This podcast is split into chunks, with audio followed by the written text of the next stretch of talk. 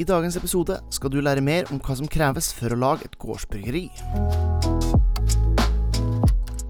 Hallo, ølgærninger, og velkommen til nok en episode av Ølprat. Podkasten som leverer entusiasme og ølkunnskap rett i øret ditt. Mitt navn er som alltid Jørn Idar. Jeg merker jeg har nesten litt overtenning for denne episoden her, der jeg har med meg Hasse fra Vettre bryggeri.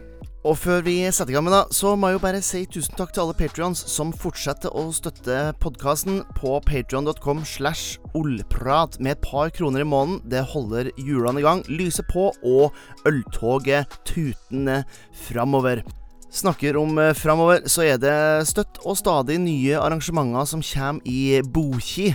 Eh, så hvis du er interessert i å høre med live sammen med gjerne et par gode kokker, noe god mat og noe god øl og greier, sjekk ut eh, Ølsirkus på Facebook eller Instagram, så poster alt av action der. Men aller, aller helst, hvis du orker, skriv det opp på nyhetsbrevet. Du finner linken til det i shownotesen, eller hvis du går inn på facebook.com slash hoitskum, så får du alt sånn her levert rett i innboksen din, faktisk. Ikke noe jobb, det. Bare skriv det opp. nå er det nok snakk, nå er det nok babbel. Det er på tide å fylle kaffekoppen, eventuelt glasset, med noe høyt skummende, og lene det tilbake for denne episoden av Ølprat. Da ønsker vi velkommen til Ølprat Hans LF Vettre. Velkommen. Tusen takk. Eh, eller Hasse. Yes. Ja, det, Da kjører vi Hasse fra, fra, fra nå av. Gjør det. Eh, og, og, vi sitter på, på en gård ute i Asker. Eh, og den gården her har du Her har du gått ganske mange år. Kanskje Ja. nesten alle? Ja, jeg har eh, starta på en annen gård, men eh, fra jeg var åtte år, så har jeg bodd her på Vettre. da, På gården her.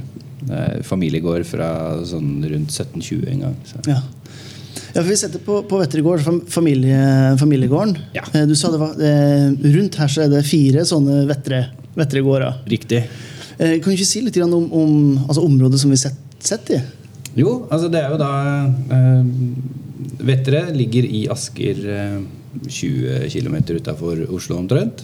Eh, eh, her er det jo Her har det vært landet helt fram til for 30 år siden, kanskje. Da har det jo blitt veldig, veldig populært flytte hit. da. Eh, Så området vi bor på, ligger på, akkurat på enden av en halvøy som heter Kongelungen.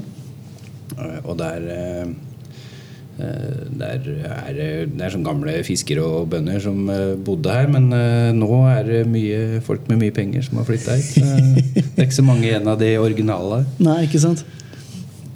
Nei, Jeg så det når det kom kjørende her sånn Før jeg kjørte av, så eh, tenkte jeg at her var bare masse småboliger og rekkehus. Og helt tatt. Og som en gang kom eh, ut fra veien, så jeg sånn bare Å ja, det er, det faktisk landbruk. Og, og sånn på nedsida. Det så litt sånn fullt ut før jeg kom ned hit. Ja, det er, det. det er en liten grønn lunge i et eh, ganske tett befolka område, egentlig. Så, Ja, Vi prøver å bevare det så godt vi kan. Da. Ja, ja. ja og, og vi setter jo det i, i, i møkkerkjelleren i, i den gamle det, det er rent og pent her, altså. Så det er ikke det. For det, for det er en stund siden det var, det var dyr her på gården. Du nevnte 1950, så var det siste Ja.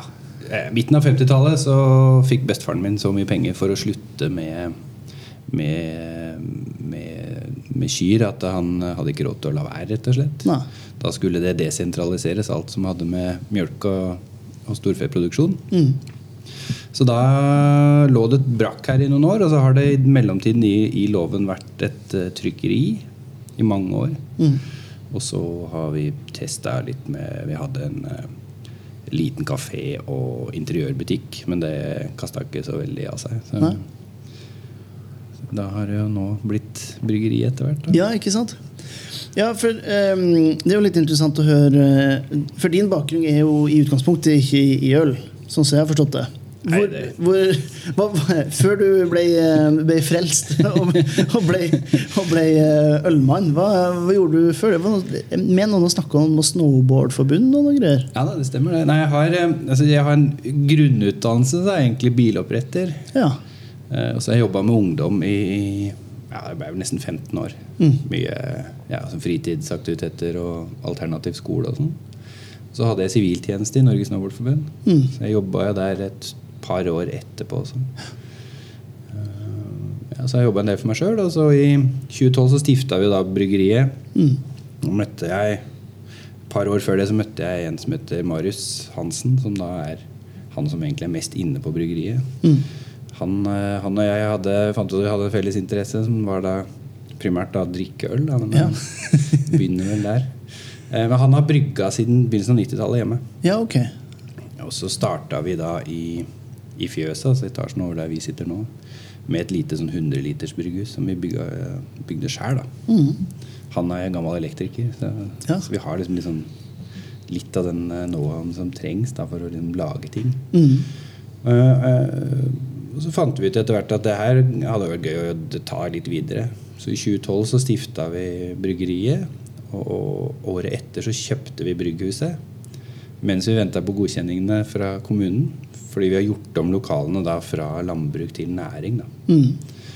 Eh, Det tok jo lang tid. Vi brukte nesten tre år. Så brygghuset sto 14 måneder ute på jordet Ja. før vi kunne ta det inn. Da. Men i 2015 så fikk vi godkjenningene. Og 17. mai 2015 så brygga vi første brygge på det store brygghuset. Mm. Ja, for at eh, når, jeg, når jeg kommer altså Når jeg er parkert på, på plassen utenfor her, sånn, så det første som slår meg, er jo ikke et bryggeri. Det, det er jo en gård som, som man, man kommer til. Eh, hvorfor var det, var det mest at det var praktisk at dere har det her sånn, eller eh, er det noen videre tanke rundt valg av lokasjon på det, eller var det bare at det Nei, altså det, For min del så var det jo et ønske om å ha litt sånn flere bein å stå på for gården sin del. Mm. For det, det er en så, såpass liten gård at eh, det er ikke noe å leve av. Eh, Men det å kunne leie ut, da, for da leier jeg ut som privatperson eller som enkeltmannsforetak til bryggeriet. Så bryggeriet leier jo lokalene av gården. Ja. Men da har jo gården brukt en del penger på å liksom ruste opp lokalene. Men da, da var tanken min at jeg i hvert fall hadde en Kanskje ikke verdens beste, men ganske trygg eh, inntektskilde derfra. eh, og, eh, og så tenkte vi at det er, okay, det er, liksom, det er litt annerledes, men vi kan i hvert fall vise fram at gårder kan være noe annet enn bare, bare kyr og, kyr og gras og kønn. Liksom. Ja, ikke sant? ja, for, men eh, eh, du, du snakker jo rundt eh, ja, eh, På, på, på 50-tallet så var det slutt på, på dyr. Eh, og du sa det veldig godt her ute eh, på tunet at du har jo en, en veldig stor plan, men en ganske liten gård. I det at du har, det er litt over 100 mål som, som følger med. Er, er det, hva gjør dere med de 100 målene? Er det, er det bare plan, eller er det Nei, akkurat nå så leier vi ut til en annen bonde som har gras her til, eh, til eh, husdyrsidene. da. Mm.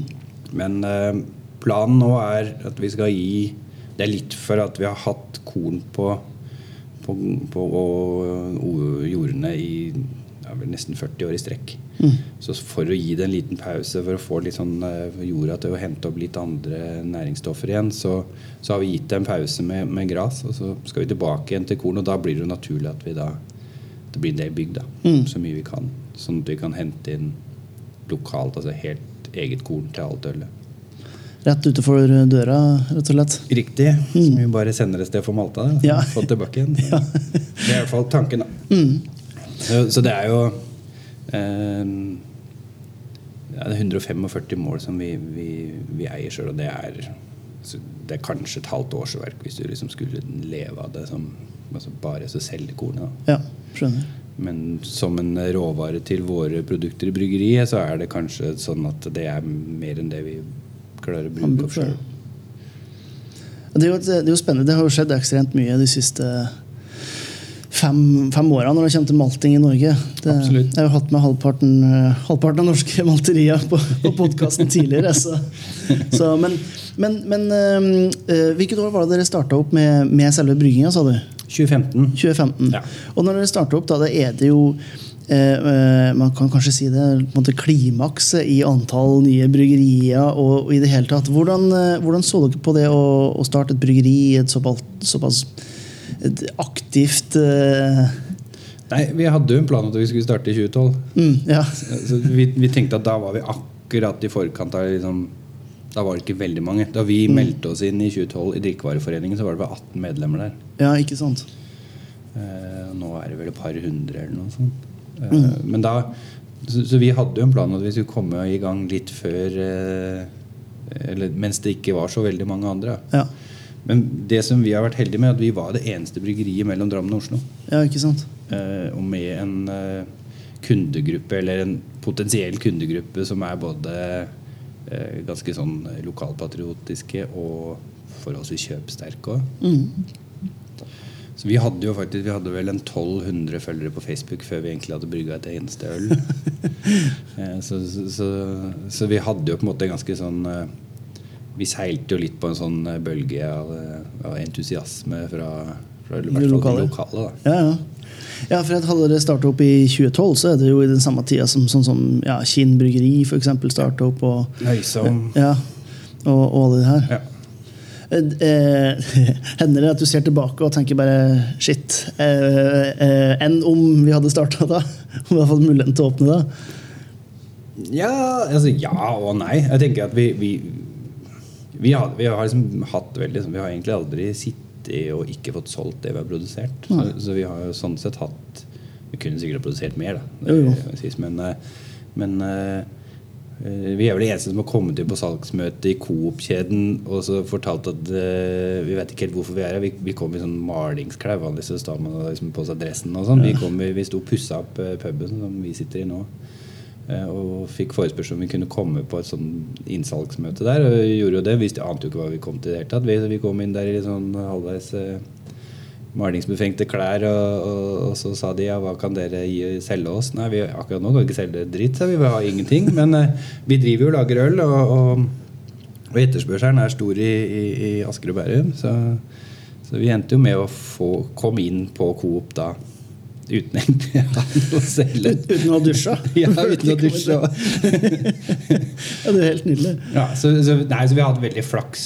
eh, og, og det har nok vært mye lettere for oss. Mm. Fordi ja, vi er i en litt sånn unik posisjon på, på lokasjonen, rett og slett. Mm. Hvis du har lyst til å lære mer om juleølets eh, historie, eller har bare et genuint interesse for å lære mer om øl, så kan du leie inn dagens sponsor, Ølsirkus, altså med.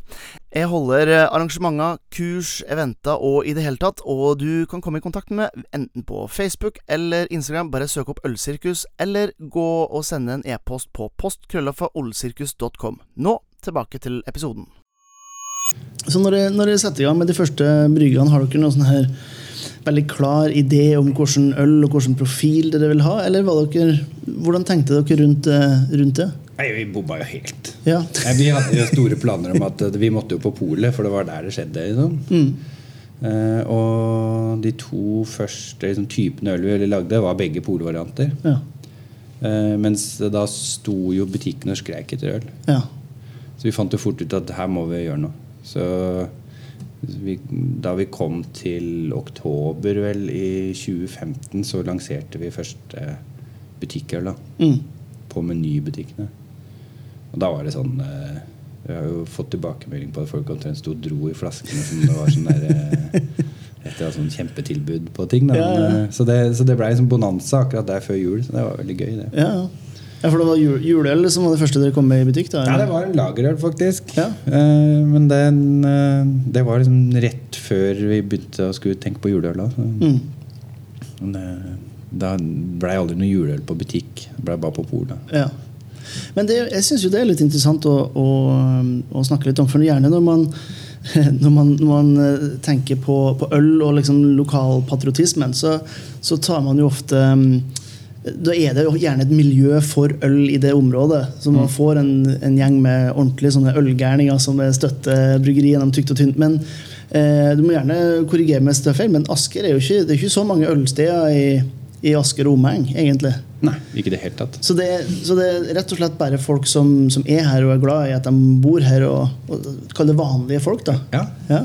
Ja, og det har jo vært vår Vi skal jo ikke legge skjul på det. Det har jo hele tida vært eh, den kundegruppa vi har vært ute etter også. Mm.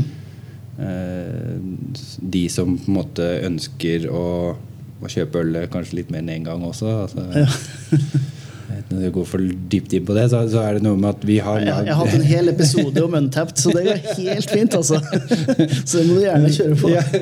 Nei, vi, vi, har jo, vi, har jo, i hvert fall tenkt og hatt det som en sånn uttalt plan vi er ikke sånn at vi skal hive oss på hver trend nødvendigvis uh, for å liksom tekkes de som bare skal kjøpe én gang. Nei. Og, og, det har på en måte den kundegruppa som vi har hatt, eh, er ikke sånn heller. Det er, si, det, er ikke, det er, ikke, de som er mest ivrige på å teste ut alt mulig av nytt øl, men det er de som kanskje mer vil bruke det som en sånn identitetsbygger. Mm. Det er jo Asker eh, og også Bærum er jo veldig mye folk som flytter til. Mm. Eh, og det å bygge identitet er jo ikke alltid like lett, men det er alltid lett å ta med seg et knippe med lokale øl og, og, og, og på en måte bruke som en sånn ja, Se hva vi har, liksom. Ja, ja. Eh, og det, det, funker jo på et eller annet vis. Ja. ja. Øl er jo sånn sett ganske sånn ufarlig og noe som alle blir glad for. Ja. Jeg har jo eh, jeg hadde jo, Det er jo bare en, en, ukes tid siden jeg hadde en diskusjon med min kone. Vi har jo vært gift i litt over ti år. Og så sier jeg men det, er veldig sjelden du kommer med noe til meg. Liksom. Det er sånn uh, Hvert tredje år så, liksom, så, så, kommer du med et eller annet som du kjøpte til meg som en sånn overraskelse. Så, men jeg prøver jo, jeg skal ikke skryte på meg for mye. da Men uh, jeg, jeg kommer nå på å kjøpe blomster bare for å kjøpe blomster et par ganger i året. i hvert fall Og så sier jeg jeg vet ikke hva jeg skal gi det. Eller, altså, jeg er jo veldig glad i øl, da. Så bare, ja, men hvilken øl, da? Så bare, altså, Hvilken som helst øl som er flytende, er bra. Er bra. Så det er jo bra å høre at det ikke bare er jeg som har det sånn, men, men den, den generelle menigmann. Eh, du nevnte jo Vi sitter jo nå i, i, i kjelleren, eh, på en måte. Eh, Kråka heter, mm. heter puben. Hvor, mm. Vi kan begynne med det. hvorfor Kråka? Ja, det er, det er godt du spør. Vi, jo, vi fikk jo Puben åpna da i 2016. Mm. Uh, og det tok jo ikke lang tid før vi liksom fikk høre at det, det var en pub i Oslo som var litt grinte for at vi hadde rappa navnet deres. da ja. Eh, men for oss er det eh, Gården eier en øy som heter Kråkholmen. Som ligger da altså, Vi ligger jo 300 meter fra vannet. Mm. Og 300 meter ute i fjorden så ligger da den øya. Ja. Eh, den går bare under navnet Kråka. Mm. Alle som i hvert fall har vokst opp her. da Og er en sånn Det er det første stedet man dro på telttur når man var ungdom. og Eh, kanskje det var første gang man smakte på øl. Det er godt mulig. Eh, så, så, da vi skulle finne et navn på puben eh, og en sånn, en sånn, logo som vi både kunne bruke på bryggeriet og, og puben, så, så, var det litt naturlig for oss å bruke den kråka, rett og slett. Mm. Ja, både med historien og, ja. og kjennskapen. Så det var ikke for å rappe navnet til til noen andre, men uh, mer det at det var en sånn som vi har en, vi føler en liten sånn identitet til. da mm. Ja, det er jo, eh, det er jo en, en, situasjon vi heldigvis ikke er helt i i Norge ennå. Men det er jo en svær ting i, her, i spesielt USA. Mm. Det her med at ja, vi har en øl som heter det. Ja, men vi har en varemerkebeskytta ja. Så, eh, Men heldigvis er Norge litt uh, enklere å ha, ha med sånn sett. Ja. Altså det, det, det, har gått fint. Vi har skværa opp, og jeg har fått forklart, og alt i orden. Så alle er fornøyde. Ingen fare. Nå er det bare folk fra Moss som lurer på hvorfor vi ikke holder til der. Ja, ja stemmer.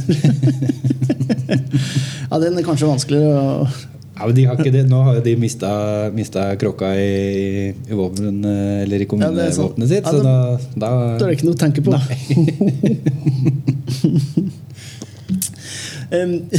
ligger, jo, ligger jo som sagt litt sånn, sånn si avsides ligger til, da, men det ligger jo litt utafor allfarveien.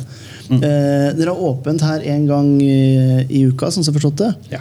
Og dere har jo ganske, ganske mye folk, sånn som jeg har forstått det, når jeg har fått, eh, når jeg har fått stemningsrapport da, levert. Ja. ja nei, altså, det pleier jo å være ganske pakka. Mm. Eh, på sommeren så er det jo vi har sitteplass til 60 ute, vel. Mm. Og det pleier å være ganske fullt. Mm. Eh, det er jo liksom Når det har åpent en dag, så tvinger jo folk til å komme den dagen hvis de vil komme på besøk. Ja. Eh, og da blir det jo mye folk, og da blir det ofte god stemning fordi det er mye folk. Så. Ikke sant? Og, og, da lurer jeg jo litt sånn på det, Har dere, har dere merka mere besøkende etter at dere var i riksdekkende media for at dere lagde et pissebra øl? nei, nei, ja, nei, jeg tror ikke det. det. Jeg tror ikke det har hatt så mye med det å gjøre. Det har jo bare vært en, Det er mer at vi har fått litt mer oppmerksomhet eh, andre steder. Ja. ja kan du ikke si litt om det her, eh, det her ølet? Jo, jo, jo. Nei, vi har laga et, vi har laget øl. Vi har holdt på i faktisk, det tror jeg tre år jeg, sammen med, med Veas, som da er det lokale renseanlegget vårt. Mm. Uh, de som renser alt fra Oslo og Bærum og Asker, egentlig. Mm. Så ligger jo en tunnel fra Oslo under Oslofjorden helt ut til, til Slemmestad, faktisk. Ja. ja, det visste ikke jeg. Nei. Uh, og der har de laga et uh, anlegg som lager biodrivstoff. Av dritten, rett og slett. Ja. Uh, og da blir det som blir det neste avfallsproduktet da er CO2. Mm. Så istedenfor å bare slippe det rett ut i atmosfæren, så jobber de nå da med å lage et fullskalaanlegg for å for å rense CO2-en, sånn at den blir så rein at du kan bruke den i næringsmiddelindustrien. Ja.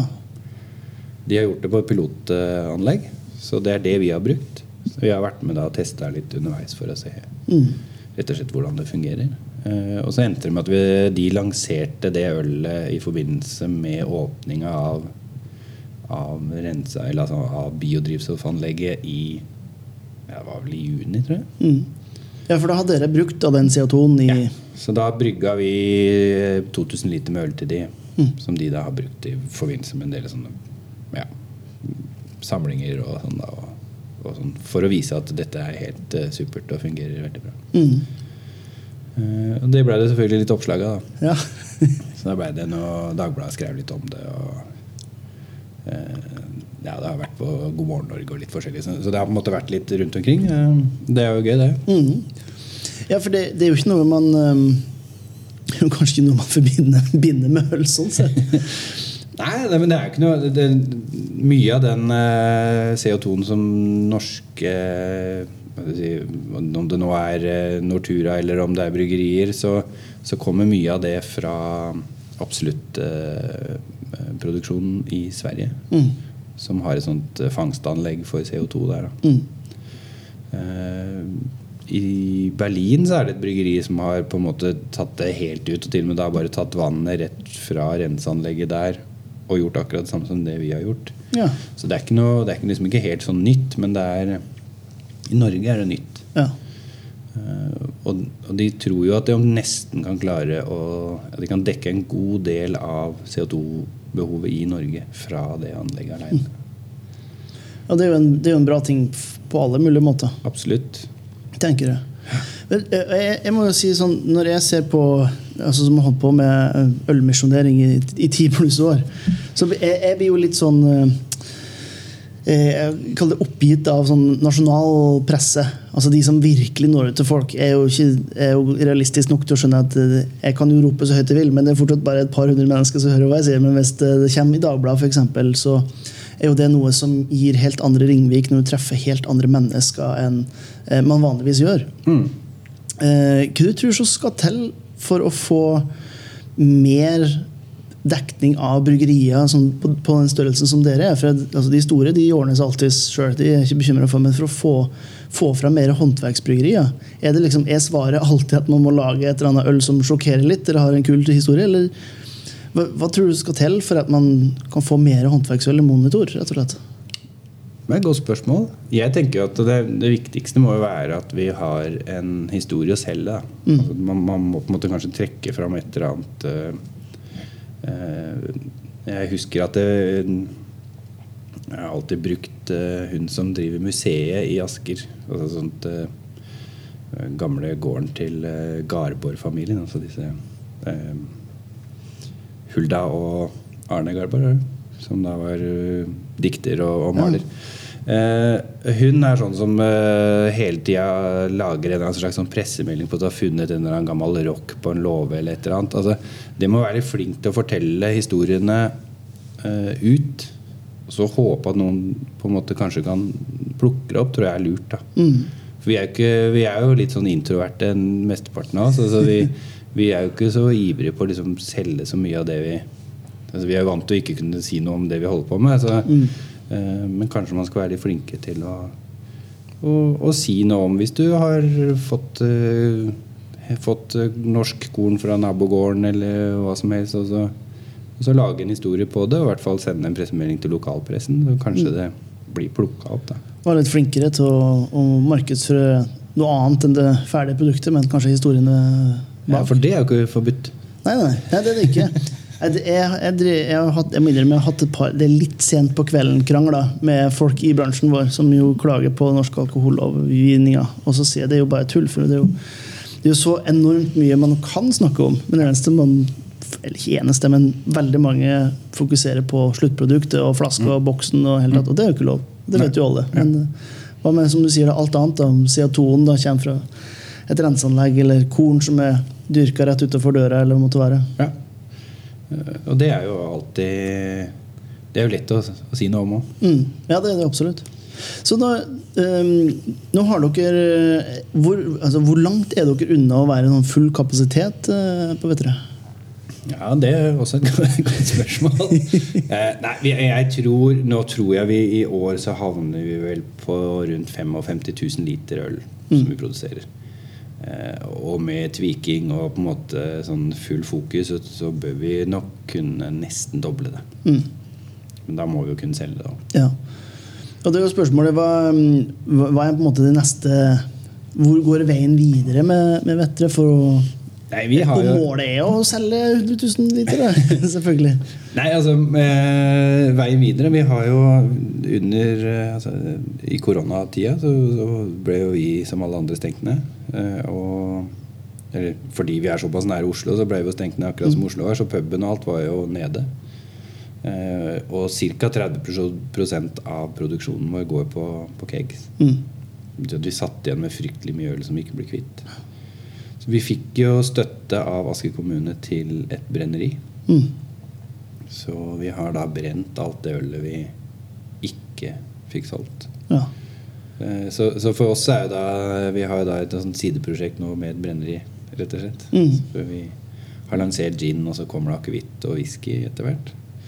Eh, Så det er jo den ene delen. Og den andre, så, så for bryggeriet sin del, så, så er vi nok altså vi, Produksjonskapasiteten er ikke noe problem, men det er mer lager, eh, lagerproblemer. Vi har for liten plass, rett og slett. Mm. Så vi driver og ser på litt løsninger for å kanskje komme videre med det. Da. Mm. Kom noen inn? Ja, det ble litt bakgrunnsstøy, men det går helt fint. Det. Vi, vi får fikse det i post, som de Ja. sier.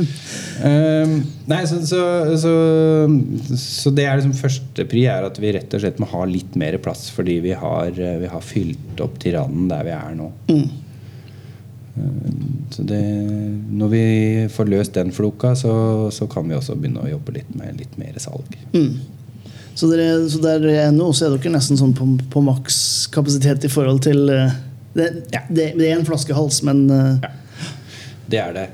Nei, Så får vi se. Vi ønsker jo Det er jo som du sa i stad, at uh, uh, i Asker så er det jo lite øl Altså sånn kultur for dette med ølsteder og sånne ting. Så, så vi håper jo at vi kanskje etter hvert kan utvide oss og få oss ett på en måte en sånn pub til. da mm, Som vi kan serve sjøl.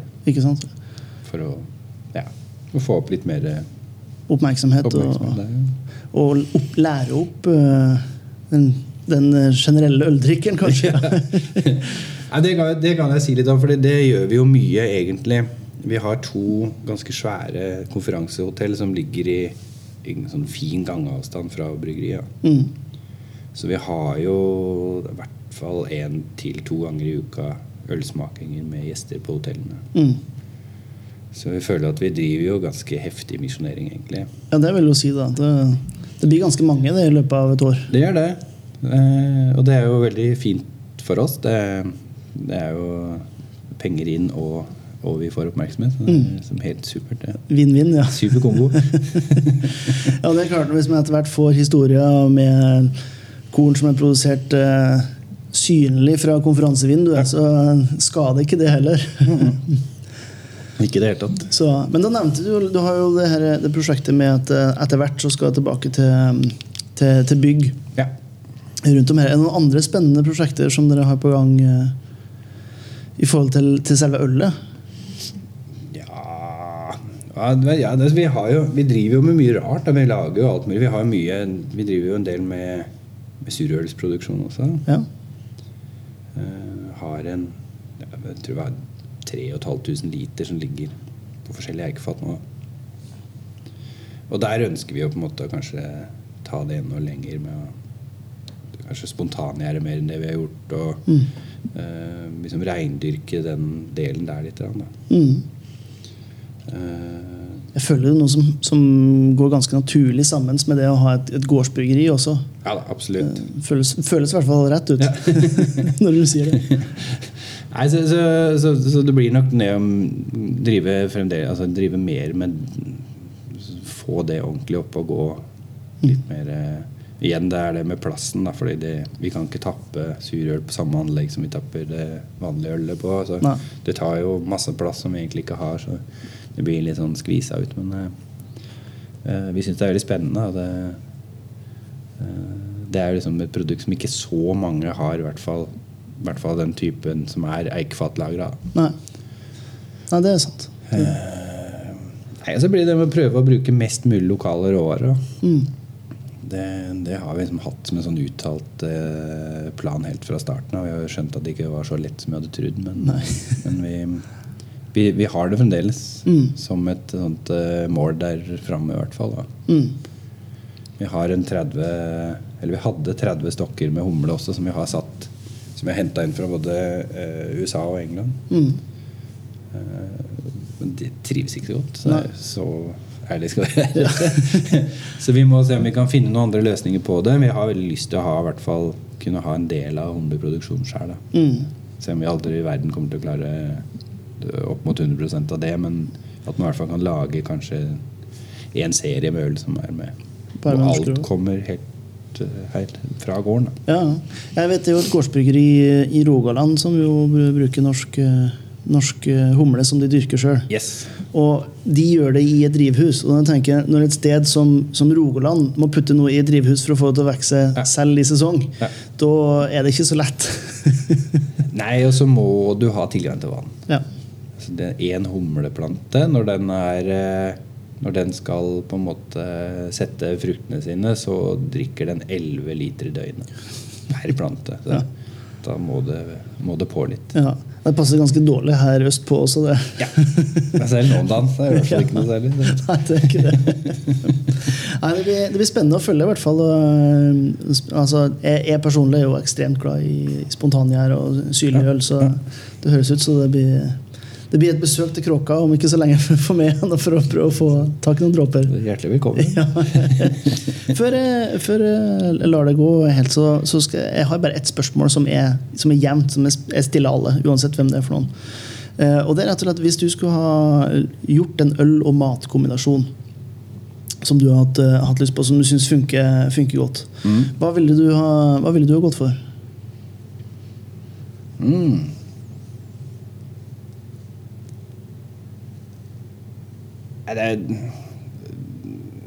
Jeg må jo si det, Da må jeg liksom dra fram surøl, da, Fordi det syns jeg liksom det, det, ligger jo i hvert fall mitt hjerte veldig nære. Mm. Eh, og da vil det være en ganske sånn plain surøl med skjever. Mm. Eh, det er så enkelt. Og så bare med loff ved siden av. Liksom. Det, det, er så enkelt, men det er sånn, den kombinasjonen med den syra og det fettet i den osten er så nydelig. Så det er sånn eh, ja, Da trenger jeg ikke noe særlig mer. Nei, det er en, Enkel eleganse. Det smaker godt. Ja, det gjør det. Ja. det var veldig bra. Altså. Du, Da sier jeg bare tusen takk for uh, denne praten. Like måte. Takk for nå. Ha det. Tusen takk til Hasse for en meget hyggelig ølprat, og ikke minst tusen takk til det som hørte på.